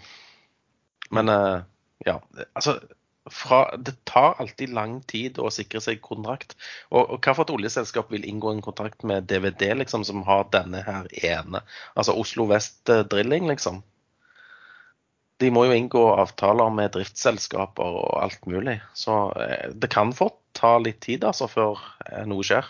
Og drillingselskapene har jo ikke så mye cash, men de kan jo bytte aksjer mot aksjer, for alt jeg vet. Mm. Så jeg tror eh, de som kjøpte denne her, var finansielle investorer, og ikke industrielle. Men eier du noe rigg i det hele tatt nå? Akkurat per nå så eier jeg vel ingen rigg. Og det er ikke digg. Nei. Men jeg har venta på at de skal falle litt i pris. Du kan kanskje måtte vente lenge, da. Ja, kanskje. Så, så, Da må jeg krype til korset, som det heter, og bare kjøpe likevel. Ehm, så er det jo et sånt spørsmål Det er bare litt sånn OK. ehm, et spørsmål kom. Hvor langt ned tror vi markedet skal? Men hva skal vi da definere som hva, men, hva som menes med markedet? Det er jo mange markeder, da, men hva, hva, eller om, om det skal ned. Så hva, Sven, hvis du skulle tippa hvor vi står, og du Erlend, hvor vi står om, eh, i slutten av året i forhold til dagens hovedindeks, hva tror dere da?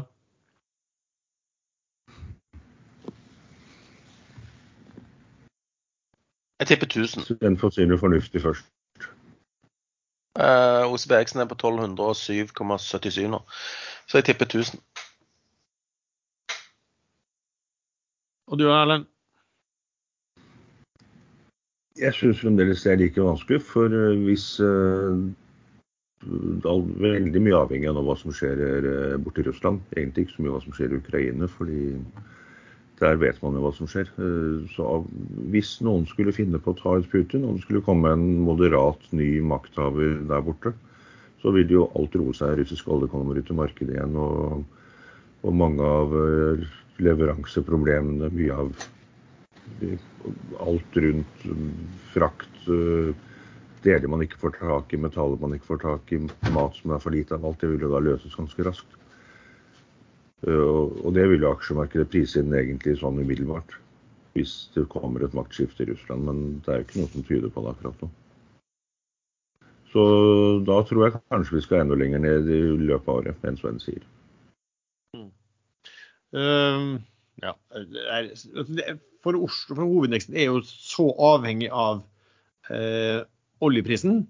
Men når du har sentralbanker som vil ha ned inflasjonen, og om det da blir resesjon ut av det, so be it, så um, mistenker jeg at vi ellers skal kanskje litt ned. Men jeg er litt usikker på hvor mye sånn sentralbanker egentlig tåler. da. Jeg skulle ikke forundre meg om på at det plutselig så det smeller godt i markedet, og så finner de ut at dette tør vi ikke lenger. Så her, her, her bråsnur det igjen, for det har de faktisk gjort, eh, eh, gjort før.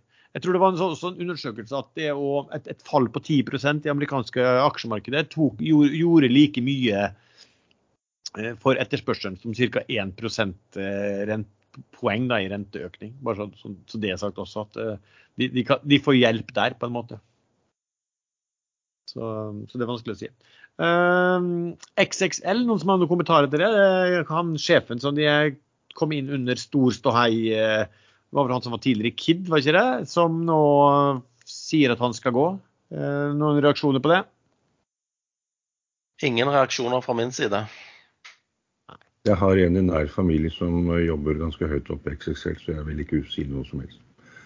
Så jeg, det er sånne innsideregler. Eh, Det er min niese, eh, og hun bor ikke på min adresse, og vi snakker aldri om aksjen. men så jeg har lov å gjøre akkurat hva jeg vil i den aksjen, men jeg har ikke lyst til å sette henne i en situasjon hvor noen begynner å lure. Så jeg holder meg helt unna konsekvent.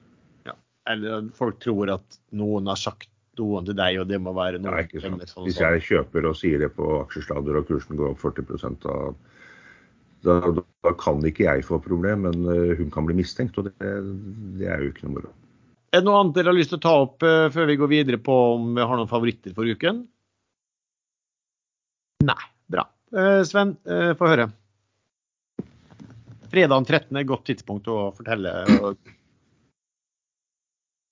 Klokken 13.13? Nei, Er det fredag den det. 13. i dag? Ja, ja, ja. Og så er jeg opp uh, 94% Men du ligger syv-åtte timer bak, du, så du er, du er fortsatt på fredag den 12.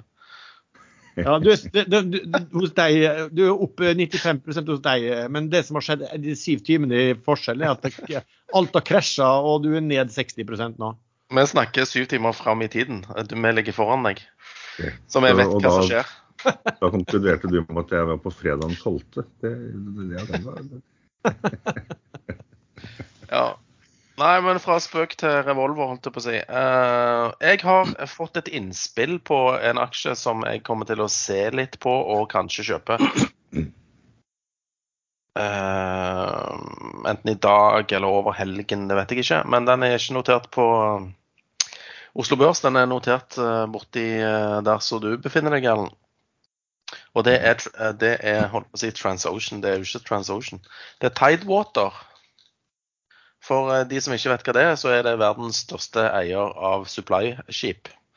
Uh, nå er det jo veldig hot med sånne båter, og det har vi jo snakka tidligere om i sendingen. Men, uh, og aksjen har egentlig eh, gått fra 10 dollar til 20 dollar siden, uh, skal vi se, siden januar. Eh, men det som er det geniale med Tidewater, da, de har kjøpt opp denne her Swire Pacific i Singapore. Eh, 50 båter, eh, delt sånn ca. 50-50 på PSV-er og ankerhåndteringsfartøy. Og de betaler eh, implisitt 3,8 millioner dollar per eh, båt de kjøper fra Swire. Eh, mens egne båter er verdsatt til eh, en snitt på 6,3. Så det er veldig innvandrende oppkjøp de, de gjør da, og det closer nå i eh, dette kvartalet. Eh, så jeg tror Nå er jo ikke eh, Tidewater så gira som disse norske selskapene, så det er jo i dårlige tider godt, men i gode tider gjerne ikke fullt så, så bull, da. Men eh, jeg tror den kan få seg en, en reprising. Og altså, det har ikke vært sånn hysteri rundt uh, supply-båter i USA ennå, så det kan jo være at en del hiver seg på etter hvert når dette blir, blir uh, pumpa. Så, så Tidewater tikker TW Nei, TDW. Vil jeg anbefale at folk kikker litt på. Ja, jeg så faktisk på den uh, i, i går, faktisk. eh, Ja. Eller hva det foregår. Og det jeg så var at uh, altså, de er vel i nett cash-posisjon, de.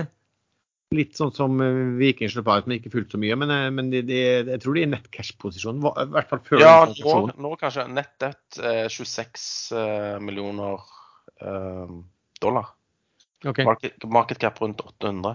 Så det, Mm. det er egenkapital. Så det, den er ikke så er ikke så uh, spennende uh, hvis markedet går skikkelig rett opp. Men ja, du, verdien på båtene vil stige, og det betyr at uh, bok vil stige. Hvilken, eh, hvilken marked opererer Tidewater i? Hele verden? Hele verden. Hele verden.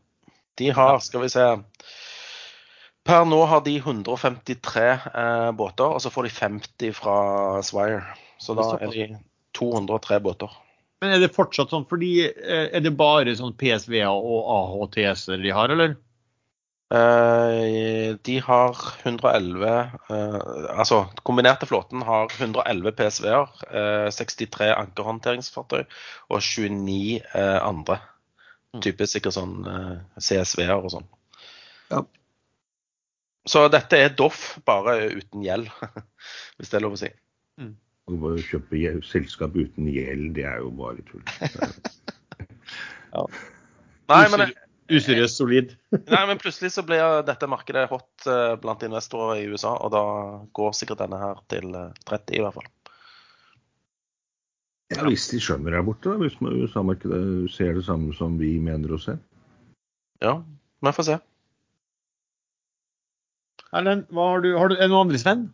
Nei, jeg følger med på denne geggen. Og Jeg lurer på om eh, altså Seabirden, om den eh, om den eh, faktisk slår til, at den dealen. Jeg, jeg tror jo at tidene er blitt bedre for, for bransjen, og at eh, det er sannsynlig at eh, den dealen de skjulte i vedlegget, eh, faktisk skjer. Og da, da vil den stige. Så jeg kommer sikkert fortsatt til å kjøpe den hvis den faller under 3,5.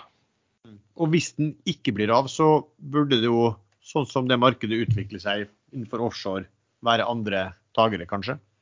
Kanskje. Men eh, mitt bet er på at den dealen faktisk går gjennom. Ja. Jeg selger den sikkert hvis den ikke går gjennom. Erlend, har har du noe annet enn Doff? Eh, Ikke i aksjemarkedet akkurat nå. Eh, Jeg gjør nok ikke noe før jeg kommer tilbake til Norge og har sett litt på markedet et par dager. Jeg er ikke, jeg er ikke oppdatert på detaljene. Men nå er det akkurat CB i Doff. da. Den Stoppet på 2,42, og så ble den stoppet av børsen. Så jeg får nok rett i at den skal til 2,50 før dagen er omme. Yes. Ja. Nei, jeg, jeg følger med på en del. Jeg, jeg syns den Freyr borti USA den er nede på sekstallet i dollar. Eh, Hvorfor er den det? Det er jo Gjelsets, og de skal jo starte opp i Norge og Nord-Norge, og der er det jo billig strøm og overskudd på strøm, så det ser ikke helt Eller de skal kanskje ikke bygge i Nord-Norge? Ja. Jeg vet ikke hvor du er, men du ligger jo som sagt syv timer bak oss. Så hvis du sier han er på sekstallet, så er han faktisk nå på 7,29. Ja, men den var jo på sekstallet tidligere, var den ikke det? 650. Lavest i dag var 7,09, da. Det er fredag 12. Det er litt sånn vanskelig dag å Ja. ja. Som alltid. Uh, ja, OK. For, for min del så Jeg bruker å se på, på type eh, investeringsselskap. Eh, og som nevnte at jeg hadde solgt eh, Standard Drilling, SDSD. Det var en kort, eh, kort vurdering. Altså, de, de kom med tall eh, hvor Naven lover da rundt to kroner, men, men de har en flåte med PSV-er, så du må anta steget en del verdi. Så jeg regna ut at mitt tips var vel at basert på det så burde Nav per aksje ligge rundt ja, litt i overkant av 2,10. Og den beveget seg nesten opp til 2,10, rundt 2,8-2,9. Uh, så da solgte jeg ut aksjene mine, for det er litt sånn at den type investeringsselskap Det er jo to spørsmål. Én er de i uh, i, en, i, et, i, et, område hvor det er stor interesse, og det er åpenbart hvor du kan gjøre gode dealer. Og så to, så vil man ha litt rabatt på underliggende. og Når jeg ikke syns jeg fikk noe rabatt lenger på den, så, så, så solgte jeg den. Selv om de, de, har kjøpt seg inn i et sånt riggselskap, altså Dolphin Drilling, så er det jo ikke så større beløp enn at hvis, den, altså de, de, hvis, de, hvis, de, hvis de dobler pengene der, så tilsvarer ikke det mer enn en 5-6-7 økt uh, på, på Naven. Så den forsvinner ut og kommer fort inn igjen hvis det blir rabatt på det underliggende. Uh, ellers så har jeg registrert at det var DNB som kom med Wilhelmsen-tall. Jeg, jeg husker ikke hva de hadde i kursmål, det er 450, hvor de mente at, eh, at verdiene eh, burde være over 600 kroner per aksje. Eh, og den ligger jo i 240 noen ting nå. Eh, og det, kan, og det, kan, godt være. Nå da Wilhelmsen notorisk dårlig til å få fram verdier på, på, sine, på, sitt, på sitt, selskap, men, men, da begynner rabatten å bli stor. Samme med denne Treasure. Den er fortsatt å, å kjøpe litt i, fordi at uh, det, det, er bare, de er jo bare aksjer i et stort koreansk selskap, som sagt, Hyundai Glovis. Uh, og rabatten på det er nå 48% så i dag. Du kan liksom tenke deg selv Hvis du et, kunne kjøpe et selskap på Oslo Børs som kun eide Orkla med rabatt på 50% så hadde du egentlig gjort det. Men igjen, der kunne mye opp til Wilhelmsen eid, og de bør få fram de verdiene, de også. Og så har jeg kjøpt Carbon Transition. Og det var fordi at den var nede på 1,05 når de kom med tall. Og de tallene var veldig oppmuntrende i forhold til hvordan de så på dette seismikkbiblioteket sitt. Det kan jeg jo tenke meg at det har blitt mer verdt. Pluss at det jo da, blir jo da gjerne kvortert i dollar, og dollarkursen har steget. Så de mente at etter det første kvartal så hadde de en Nav på 1,86. Um, og det var på dollarkursen da. Den har jo steget siden den gangen også. Og når du da kan kjøpe Gitt at de uh, har rett i det, du kan kjøpe 1,85 for 1,05, så er det ganske fet rabatt på, på underliggende verdier. Pluss at jeg tror at dette er, sånn, dette er jo litt sånn Oslo Vest-eid. Ingen spesielt interesserte eier i dette her. De har en, en, en toppsjef som gikk av i november. De har ikke ansatt noen ny. De har sånn CFO-en liksom midlertidig. Det slår meg litt som et sånt selskap som, som de man egentlig ikke vil ha. Kanskje at de bare oppløser det, kjøper tilbake aksjer, slår seg sammen og legger over det de har av investeringer inn i et annet selskap. ikke sant? Du kunne tenke deg at de la noen andre inn i, inn i Saga Pure hvis de fikk gjort en deal der eller et eller annet sånt. da. Så så det, det, kan godt være at, at, det blir gjort ting der for å man måtte få løst de, de verdiene også. Ellers som sagt kjøpte jeg da Viking Supply Ships igjen eh, eh, i dag. Eh, etter at det kom de meldingene om alt hva som foregår i andre, i andre supply-selskap. Sånn er det. også kjøpt litt, kjøpt litt Petrolia SS, som jo er, hva skulle du si abnormt billig, men som av det mange mener er gode grunner, mange ikke vil investere i. Sånn sett. Tror du de kommer til å komme med gode tall på oljeservicen sin framover, der de tjente mye penger i fjor. Tid til helgen, gutter. Hva har du for planer nå, Erlend? Nå skal vi ut og spise en eh, god amerikansk omelett på, på denne fine gata som er i byen her, som jeg ikke husker navnet på i dag. Jeg kunne navnet i går.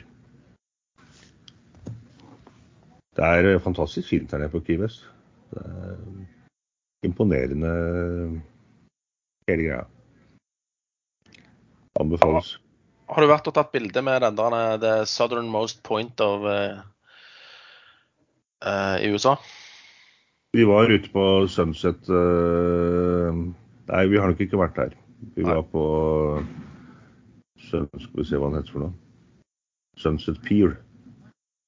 Det er sånn pir som man masse restauranter og hadde litt mat og litt drinker der og så på sol, solnedgangen. Det var jo romantisk. Du og Fred? Ja, jeg og Fred. Du, den, forresten, den Hemingway sin eh, bar der, eh, det er jo et litt sånn navn som, som står godt eh, til deg, da, i, uten å fornærme deg altfor mye. Sloppy Joes het den. Ja, Sloppy Joes, det stemmer det. Ja. Men det står et skilt rett nedi gata. Her var Sloppy Joes um, fra 1936 til 1939 eller noe sånt, så det var nok der han satt, og ikke på den store, digre som er i dag. Men det var et veldig fint sted. Litt sånn Scotchman-lignende. Eh, Stor scene og band og masse bråk og diger bar. OK. Eh, hvis ikke de, de herrene har noe spesielt mye å si, så, mer å si, så får vi takke så mye til deg som har hørt på denne episoden. Du treffer oss tre stadig vekk inne på eh, Ekstra Investor sin chat. Du treffer Erlend i Key West, der han frekventerer eh, litt dårlige, lugubre steder akkurat nå. Um, vi har en gruppe på Facebook som heter podkasten Aksjelader. Musikken er som vanlig laget av sjazz.com, og vi høres. Duval Street heter den eh, gata. Street. Det eneste jeg ikke fikk hon- hovere over i episoden, her, det var jo, eh, var jo eh, at vi ikke hadde forrige gang, det var jo at Molde vant eh, cupfinalen. Og at jeg hadde lagt inn eh, Molde-låten som avslutning på den ene, ene episoden vår. Ja, jeg ba Shah saksøke deg for eh, vold, voldtekt. Ja, ja. Ja, ja, ja, jeg har fått den. Fått det i brev, fått det i brev rekommandert. Men eh, eh, flinke i cupen, disse Molde, men de var ikke så flinke i serien, følte jeg. Det er bare kamp, liksom.